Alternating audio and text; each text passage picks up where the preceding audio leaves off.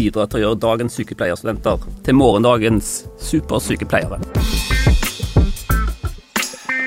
Mitt navn er Runo Isaksen, og denne episoden av Kvalitetstid skal handle om en spesiell app som er skreddersydd for sykepleierstudenter.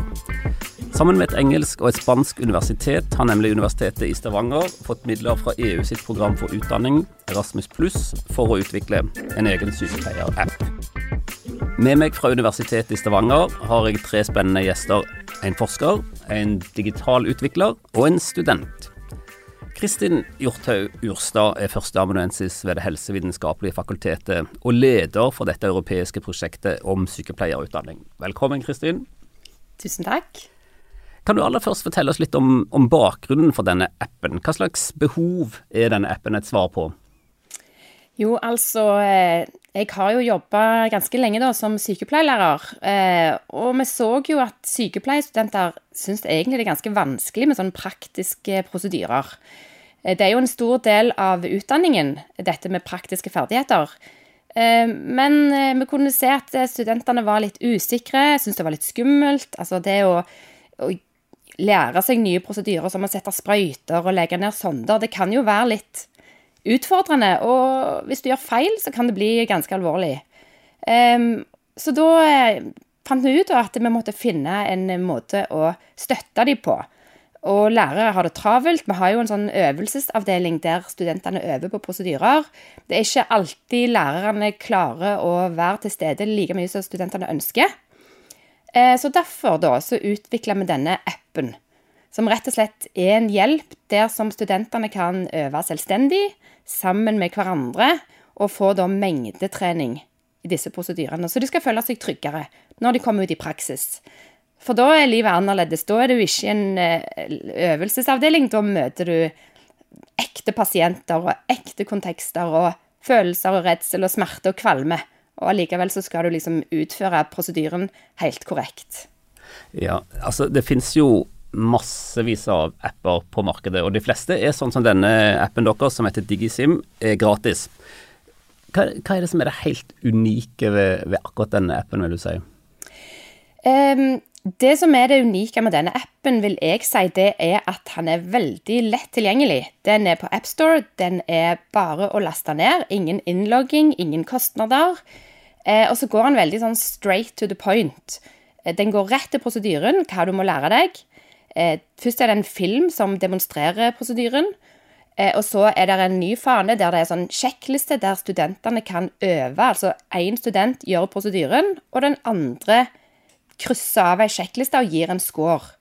Eh, og så kan du som en tredje alternativ få en sånn stemmeguide som guider deg gjennom prosedyren, så du kan øve selvstendig. Og Det som kanskje òg er litt spesielt, er at den er jo i samarbeid med England og Spania. Så den er jo oversatt til engelsk og spansk, eller det vil si det foreligger tre versjoner. og Da kan vi jo se litt på ulikheter mellom land, og, og reflektere litt med hvorfor, hvorfor gjør vi kanskje ikke alt likt, og hva gjør vi likt. Bare et lite eh, sidesteg eh, for å få det helt klart for meg. Eh, du sa at appen handler om prosedyrer og noen ulike prosedyrer. Kan du bare fort fortelle oss hvilke, hvilke prosedyrer f.eks. snakker vi om? Ja, vi snakker om prosedyrer som intramuskulære injeksjoner, nedlegging av ventrikkelsonde, innlegging av blærekateter. Alle disse prosedyrene som er litt sånn basic eh, for eh, sykepleiestudiet. Eh, og klart det er jo det, når du skal gjøre disse prosedyrene, så skal det jo være helt korrekt. Kan jo skade pasienten hvis du gjør det feil. Og jeg tror det er der liksom den der det, er en del kompliserte steg. De skal gjøres i en rett rekkefølge, du skal være steril. Så jeg tror det er det som på en måte gjør at studentene kan synes det er litt skummelt, og det forstår jeg veldig godt. Ja, appen er jo utvikla for studenter og til bruk i, i undervisning. Mm. Eh, og vi har med oss en student. Eh, Rune Grønås, du er student, bachelorstudent på siste året nå i sykepleiervitenskap ved Universitetet i Stavanger. Og du har brukt denne appen fra første år, så vidt jeg har forstått. Så kan du fortelle litt om, om din erfaring med å bruke appen. Hva, hva utbytte har du hatt av den? Eh, det stemmer. Eh, jeg går tredje året og begynte første året med, med, med denne appen. Og var eh, en av de heldige som havna i korona hvis vi kan kalle det det. Så jeg har hatt veldig utbytte av den appen med å kunne øve på egen hånd. Og for min del så handler dette om Den appen handler om å kunne få ut eh, den kunnskapen du har lært, altså teorien, ut i hendene. For det det handler om, er jo det håndtekniske, hva du faktisk gjør eh, med hendene. Eh, og akkurat eh, eh, det gapet mellom å få teorien ut i hendene, det er det vi har manglet. Og det er denne appen veldig fin til å hjelpe oss med. Hvor, eh, hvor bruker du appen, og hvordan bruker du den sånn helt konkret? Eh, først og fremst så har vi brukt den i ferdighetstrening i sykepleierlaben her på, på universitetet. Eh, hvor den har vært til mye hjelp, og som, som Kristin sier, så har ikke læreren mulighet til å være sammen med oss hele veien. Så da har vi muligheten til å, å trene, og trene igjen, og få den mengde, mengdetreningen vi trenger. Så det er mest her på, på, universitetet så vi er forberedt når vi kommer ut i praksis. Men samtidig så har vi også brukt den ut i praksis til forberedelse og til uh, repetisjon. Mm. Det er to miljøer ved Universitetet i Stavanger som står sentralt når det gjelder utviklingen av appen. og Det ene miljøet er ditt miljø, Kristen. altså Dere som har vært opptatt av selve innholdet. Hva skal, hva skal, studentene lære, og hvordan skal de lære det? Og Det andre miljøet handler om, om teknisk uh, utvikling og konkrete tekniske, praktiske løsninger. og Der kommer du inn, Atle Løkken. Velkommen til deg òg. Takk skal du ha.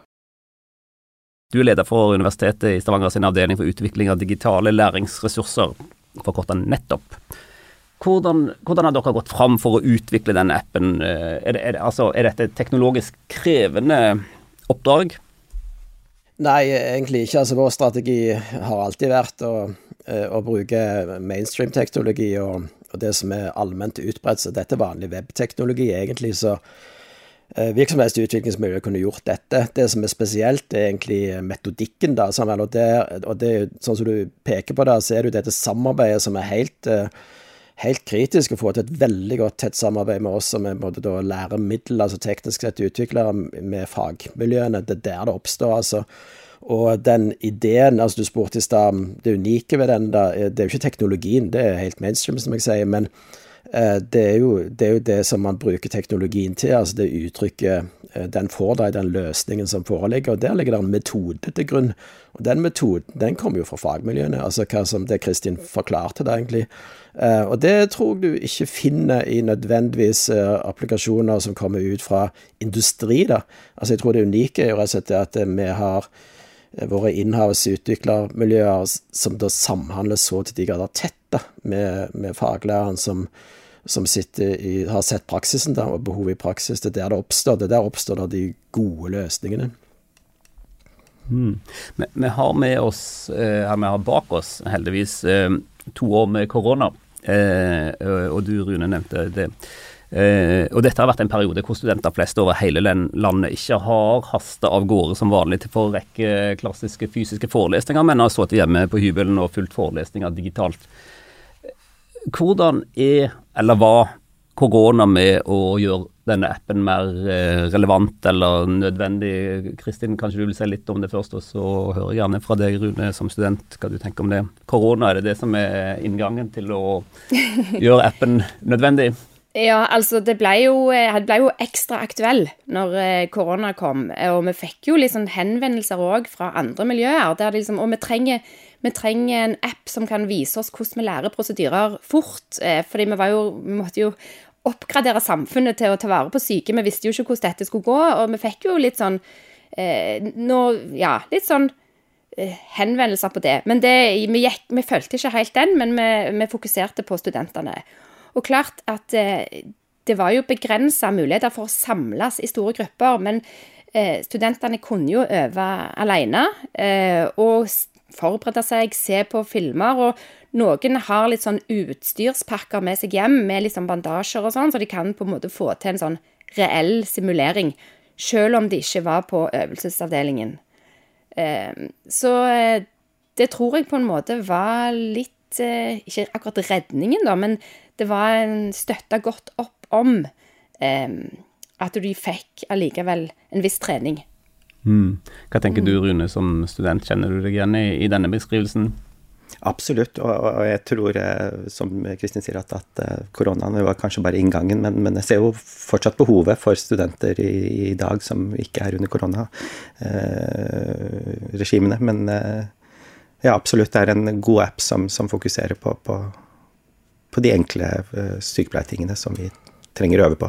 Jeg kan jo bare skyte noe at det med, altså, Prosjektet starta jo før korona, den nær sagt, og det var i seg ferdig òg uh, før det. Men, men uh, det fikk jo en relevans, da, som du, som du peker på, og fra England òg. Altså fra Universitetet i Nottingham, som var vår partner der i England. Der kom det fra ledelsessiden på, på, på helsefag- og medisinutdanning at de faktisk reelt sett måtte ha den i bruk for å kunne klare å opprettholde aktiviteten. Så den fikk uh, en effekt da, som vi ikke hadde planlagt under under pandemien. da. Men, eh, men, nå sitter vi med et eh, nytt prosjekt. for vi har jo startet, altså Helsefag hos oss har starta en ny regional eh, sykepleierutdanning mot Ryfylke-kommunene. og da er jo Det er et HKD-finansiert prosjekt. og Der er det meninga at studentene da skal tilbringe minst mulig tid på campus. De skal være i sine hjemkommuner. Og der, har jo en, der, er, der er jo appen en løsning, bokstavelig talt, for at de studentene skal kunne gjennomføre de øvelsene som de trenger å få gjort. Og de har jo òg med seg sånne små øvelseskit, altså sånne små dokkekitt dokkekit eh, hjem, bokstavelig talt, hvor da appen blir guiden da, til å kunne gjennomføre de prosedyrene de trenger da, på disse dokkene. Og Så kommer de inn da på samlinger fra tid til annen da, på universitet for å på en måte verifisere det, da, i forhold til sine, altså at lærerne kan verifisere at de faktisk har oppnådd det de skal. Så nå tas han jo i bruk da, i, i, med et formål. Altså du løser et problem da, som du, på den måten. Mm.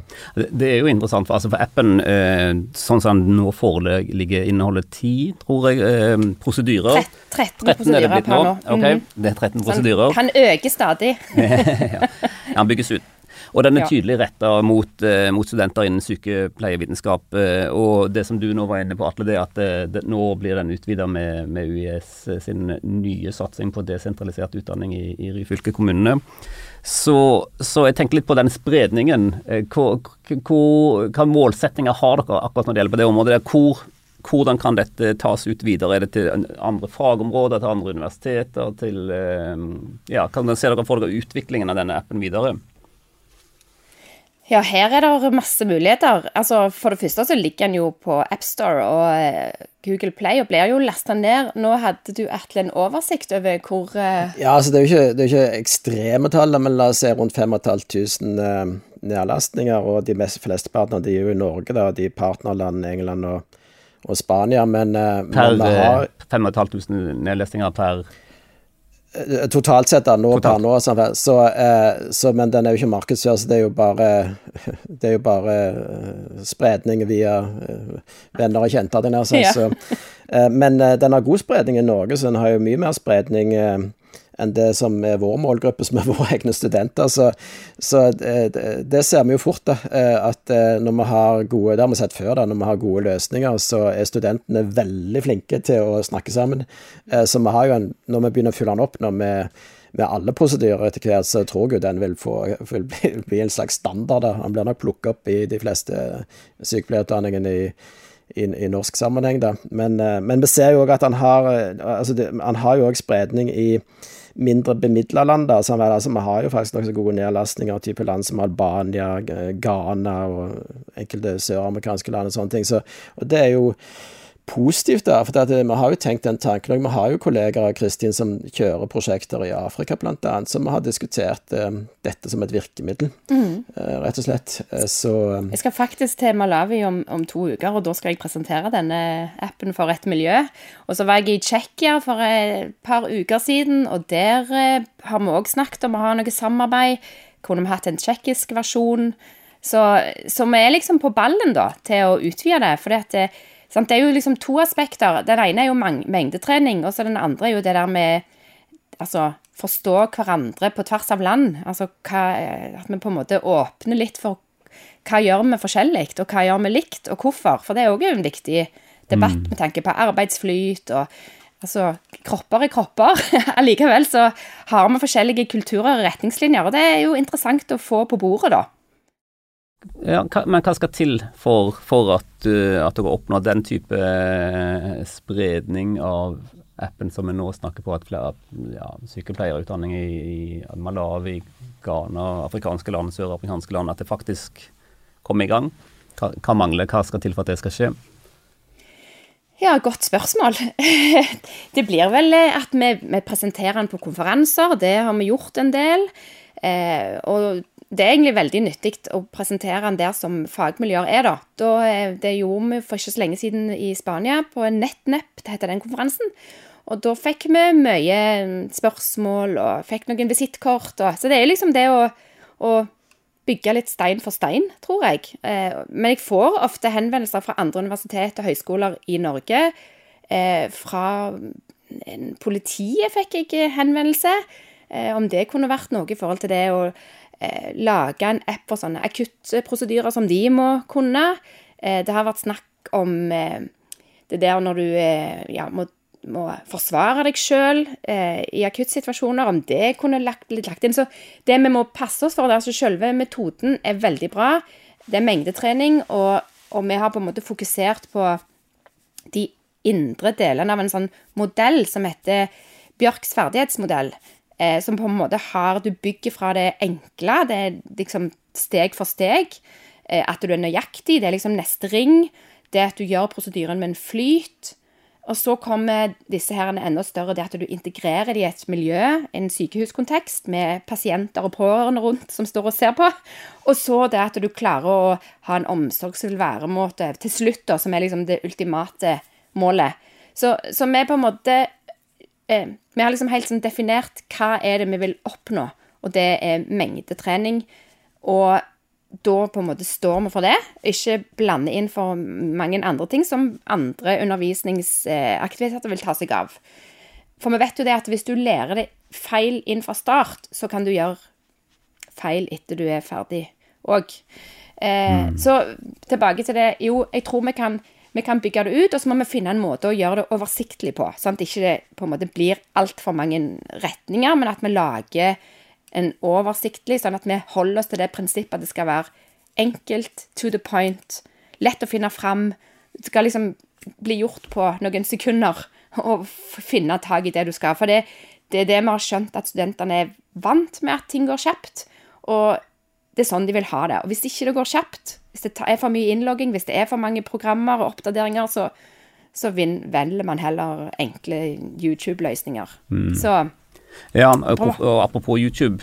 Eh, dagens studenter er jo vant med å bruke YouTube temmelig mye ja. for å finne svar på alt mulig sånn de lurer på. Så hvorfor, eh, hvorfor kan ikke de bare fortsette lykkelig med det? Ja, men det ligger jo veldig mye forskjellig på YouTube. Og eh, er det kvalitetssikra? Er, er det, Hvem har lagt ut? Kan studentene liksom Er det Hva slags kilde er de kritiske til hvem som har lagd dette innholdet? Og når de får en app med universitetet sitt navn på, så, så kan de stole på at det er kvalitetssikra. Ja. Eh, så på en måte det er jo en trygghet i det. Og eh, vi intervjua jo faktisk studentene eh, når vi hadde liksom den Helt i slutten av prosjektet, når vi hadde liksom en, en nesten klar løsning, så så intervjua vi 29 sykepleierstudenter. Vi hadde fokusgruppeintervju, sju stykk. Da hadde de først trent i eh, øvelsesavdelingen, og så tok vi de inn og hadde en, eh, et, eh, et gruppeintervju. Og der vi ba de om å komme med sine erfaringer. Og eh, da var det jo en av de tingene vi fant, da, at eh, dette kan vi stole på. De følte seg trygge på at det, når de bruker, bruker, den appen, så blir det riktig. Det blir korrekt innlæring. Og det var liksom en trygghet.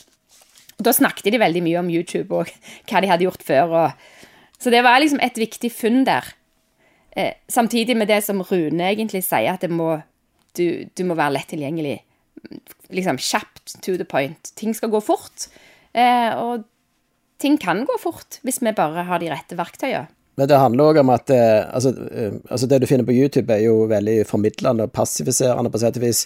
Eh, det som jo har snakket mye om den metodikken, men det holder vi litt hardt på. Da. Altså, den representerer løsningen representerer faktisk en gjennomtenkt metodikk, sånn som Kristin var inne på. Da. Den er jo aktiviserende, den er ikke passiviserende. så Uh, og den er jo òg til og med lagt opp, og det er veldig sjelden at man finner den type løsninger som er lagt opp til at studenter skal uh, samhandle i øving. Ja. Uh, den, appen tar òg høyde for at altså, legge, altså, den, den, den, er jo via den mobiltelefonen som det er, men Men vi prøver jo f.eks. å legge så tett opp til en virkelig situasjon som mulig. Så f.eks. at studentene ikke skal, få, ikke skal bryte eh, det å være steril, f.eks. Det er òg tatt høyde for i løsningen, så at man faktisk kan betjene da eh, instruksjoner da i appen eh, uten å berøre telefonen underveis i, i gjennomføring av en prosedyre. For det vi ikke vil at de skal han har sagt eh, over feil, da, sånn som Kristin sier, på en måte plutselig da bryte den sterile uh, steriliteten da i øvingsprosessen. Sånne ting, det er sånne detaljer i det, det mener jeg er nokså unikt, altså. Ja, for, det, ja, det, det kommer ut av det samhandlingen da mellom mm. oss som utvikler og, og, dere som fagfolk som på en måte syntes det var veldig viktig, mm. og da løste vi det. Ja, for det er sånn som det fungerer, det er at du kan legge liksom telefonen på nattbordet. Så trykker du på start, og så, så liksom guides en stemme gjennom. Så kan du velge om, om, stemmen skal guide deg fra A til Å i den, det tempoet som vi syns er på en måte akseptabelt. Eller så kan du ta skritt for skritt, og da kan du på en måte bare holde over telefonen uten å være borti, og så går han til neste skritt. Så går han til neste skrift. Så det er liksom Legg pasienten i riktig sideleie, og så neste. Finn fram bla, bla, bla. Og så får du på en måte mm. eh, øv til prosedyrene alene da, hvis ikke du har en medstudent med deg. Når det gjelder introduksjon av ny, ny metodikk og nye metoder og sånt i undervisning, så, så, pleier jo det vanligvis å bli fulgt opp med noe forskning for å, å, se hvordan dette faktisk fungerer i praksis. Og Det var du litt inne på, Kristian, at dere har gjort en, en, en, en pilot, i hvert fall en pilotforskning, og gjort mm -hmm. noen funn. Mm -hmm. eh, som du beskrev. Hva, hva, tenker du, Rune, når, når, du hører om disse funnene? Det, harmonerer det med dine erfaringer som praktisk eh, bruker, som student i sykepleie? Ja, absolutt. Eh, vi snakket jo om dette med, med YouTube og, og, verifisering av kilder, eh, som vi er veldig opptatt av fra, fra dag én i, i, sykepleien. Og det å kunne jobbe faglig forsvarlig. Og hvis vi da bruker verktøy som, som, er utviklet og som har navnet til Universitetet i Stavanger, så er vi klar på at dette er oppdaterte og, og kilder vi kan uh, bruke, og, og, har vært noe vi har manglet. da, som vi, ikke, vi, vi kan ikke stole på YouTube i, i den forstand som vi kan stole på den appen. da. Mm. Er det mulig for deg som student å skildre på en eller annen måte hvordan denne appen kan ha bidratt til å, å, å gjøre deg tryggere eller bedre egnet til å utøve ditt yrke som, som sykepleier? Det handler jo om å bli, bli trygg i, i, i, den oppgaven som skal gjøres. Å kunne øve i simulering i forkant, før du da skal ta hensyn Ta alle andre hensyn når du har pasienten foran deg. sant? F.eks. hvis du skal legge inn, legge inn et kateter, så, så, så, å kunne gjøre det og kunne kun fokusere på, på den, den, oppgaven du har foran deg, før du skal faktisk ut og så, så yte omsorg over en pasient. Det er veldig til hjelp, og da er det mengdetrening. Mm. Å kunne gjøre det uten lærer til stede med den appen, det har vært uh, gull verdt. Mm. Så, uh, denne appen er altså utvikla med økonomisk støtte fra, fra Erasmus Pluss og det Universitetet i Stavanger ved dere, da, uh, som har utvikla den sammen med et universitet i England og et i Spania. Og eh, din avdeling, Atle, som står for den tekniske utviklingen her, dere har jobba internasjonalt i mange år, og veldig ofte har prosjektene vært eh, finansiert, eller i hvert fall delfinansiert av Erasmus pluss. Kan du fortelle litt om akkurat det? Hvordan, og, hvordan dere jobber med Erasmus pluss, og hva rolle det spiller inn i deres utviklingsarbeid? Ja, Vi er jo kjempeglade i Erasmus Pluss, hadde jeg sagt. Og jeg tror, hvis jeg ikke lyver for mye, at vi hadde det, altså min avdeling da hadde det første Rasmus Erasmus Pluss-prosjektet på UiS da når, det, når Erasmus Pluss kom ut i sin nye ordning. Um, men, uh, men det er noen paradokser, da. Det, vår avdeling er ikke fullfinansiert, så vi er veldig avhengig av å ha prosjektmidler som vi bruker veldig aktivt med. Eh, de, altså Erasmus-midlene som eh, løsning, altså som rammeverk, plattform for å, å, å, å, utvikle nye metodikker, nye løsninger, nye teknologier når vi trenger det. Eh, altså, alle vet jo at den type finansiering er ikke fullfinansiering av prosjekter, men hvis du allikevel har et behov, som vi hadde her, da, som var veldig uttalt på helsefag, ja, så stiller vi spørsmål da er det noen som vil betale for det behovet. Og da er Rasmus veldig ofte eh, egnet for å finansiere den type kalle innovasjonsprosjekter da, innenfor utdanning. Og leser man programguiden i Erasmus, så matcher de veldig godt altså, egentlig de målsettingene vi selv har da, for å få til gode digitale løsninger og innføring av nye metodikker da, i i undervisninga. Så vi har nesten kontinuerlig eh, et eh, Erasmus-prosjekt. altså Tidvis har vi hatt tre-fire i parallell. Eh, men de brukes veldig målbevisst mot den type konkreter, da, som typisk den Digisim-appen er. det, At vi har en veldig målbevisst dette problemet, dette har vi tenkt å gjøre. Putte det inn i en kontekst av et fagmiljø, da, og i dette tilfellet helsefag. Og så går vi i gang og utvikler løsninger. Og Da har vi jo den fordelen òg, at vi jobber på tvers av Europa, og vi må jo være så ydmyke at vi, vi plukker med oss litt kunnskap på veien òg, når vi kikker litt til de andre miljøene òg. Vi har veldig gode miljøer som vi har samarbeidet med i mange år, eh, spesielt i Spania og England. Så det, det, bruker vi mye, bruker veldig aktivt. Så, og du spurte i stad liksom om eh, om muligheten for å måte, få denne appen her da ut, men jeg tror jo faktisk at i den grad hadde nær sagt, Det er jo alltid en utfordring. da, Vi har jo ikke noe kommersielt selskap som på en måte kan hjelpe oss til å løfte det ut og markedsføre osv. Så, videre, så vi må jo gjøre det på den tiden og ressursen vi har eh, sjøl. Og, og da igjen da, så kan vi bruke Erasmus, veldig egnet til å løfte eh, denne løsningen da ut i større skala i Europa da, på flere språk. Eh, Eh, mer prosedyrer eh, til andre fagmiljø, hva som helst, egentlig. Men det er veldig en egnet å gjøre innenfor rammen av sånn typisk Erasmus-prosjekt. altså, Og det skal ikke se vekk fra at vi gjør. hva, hva, er din erfaring på akkurat det området, Kristin? Altså merverdien av å jobbe sammen på europeisk nivå, og, og i dette tilfellet da med økonomisk støtte fra, fra Erasmus pluss? Ja, det er jo kjempespennende og veldig lærerikt. Eh, med, altså i bare i samarbeidsprosjektene så lærer vi jo masse om hverandres måte å eh, undervise på, veilede på. Eh, hvordan vi sammen kan bli bedre. Da. Så jeg syns jo virkelig det har åpna mine øyne, rett og slett. Altså, man sitter jo på sin egen tue og, og, holder på i et hamsterhjul. Og så plutselig så retter man blikket litt oppover. Så for meg personlig har jeg lært masse av å være leder for dette, eller disse prosjektene, da veldig kjekt. Og fått venner for livet òg.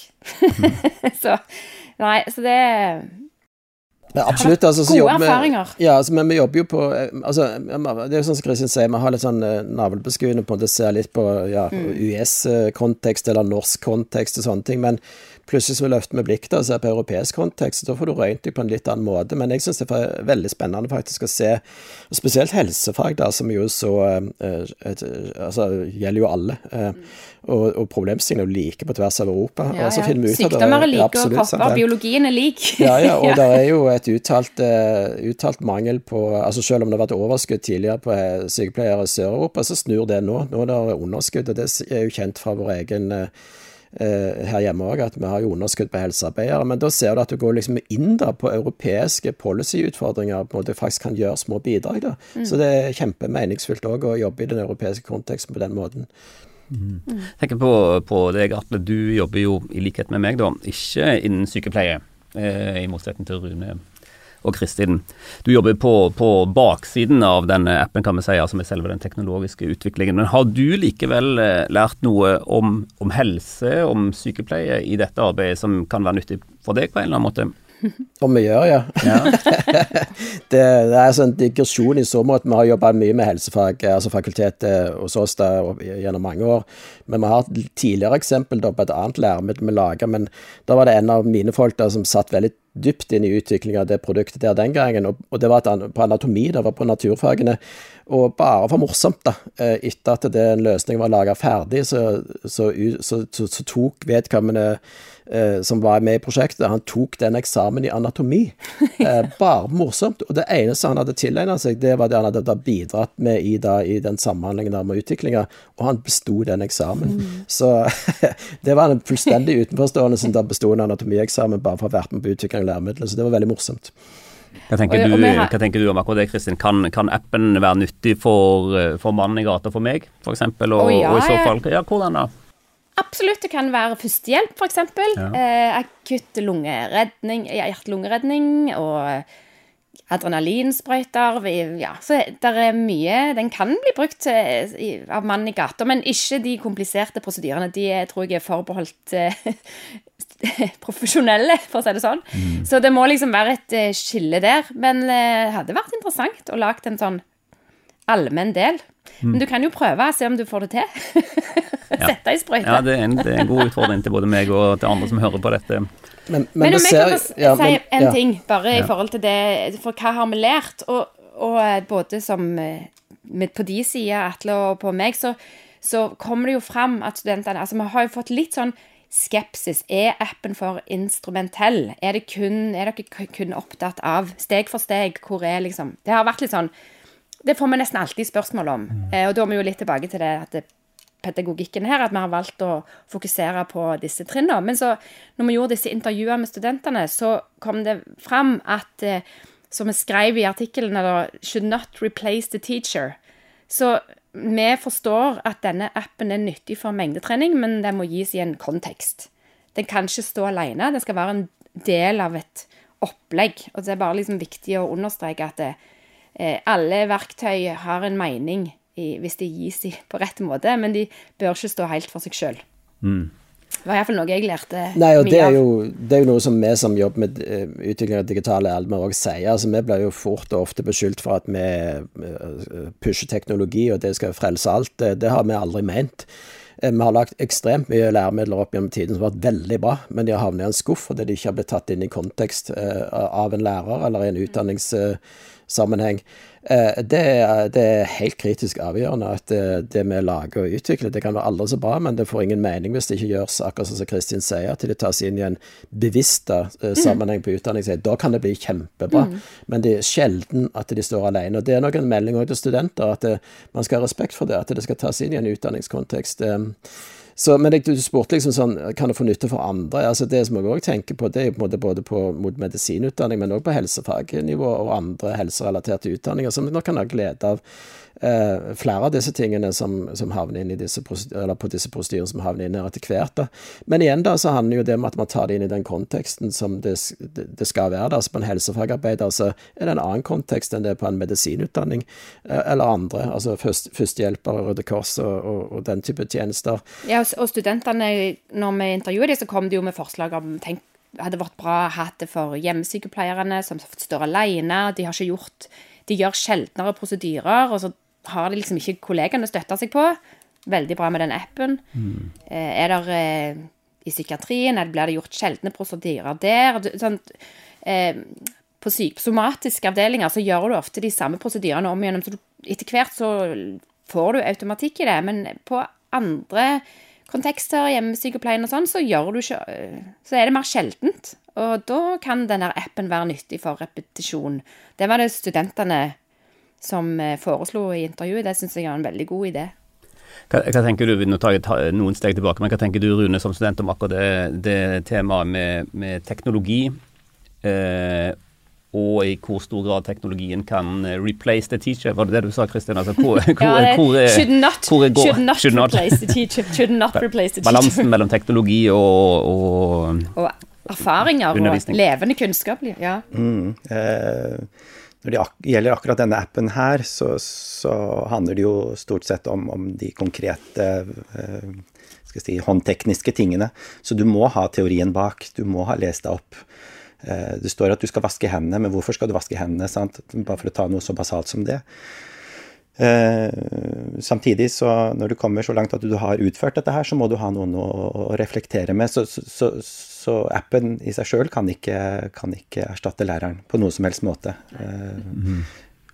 Men, men, eh, den har jo eh, fylt et hull da, som, som, som jeg, jeg kan huske når jeg begynte som sykepleierstudent, så begynner man jo også å søke litt, sant, og ser litt på hvilke apper som er lasta ned felleskatalogen ganske raskt. Eh, og nå har jeg også en app for legemiddelregning, og så har vi manglet den her for, for akkurat dette med, med, det håndtekniske. Eh, så det kommer da i et bibliotek av, av verktøy som kan hjelpe eh, både som student og sannsynligvis også videre ut i karrieren som sykepleier. Mm. Hvis vi, hvis vi, ser framover nå, la oss si syv-åtte år fram i tid, 2030 f.eks. Hvis vi er i 2030 og tenker på den appen og hvordan den blir brukt eh, da? I, I, deres visjon, eh, gjerne én og én, hvor er vi henne da?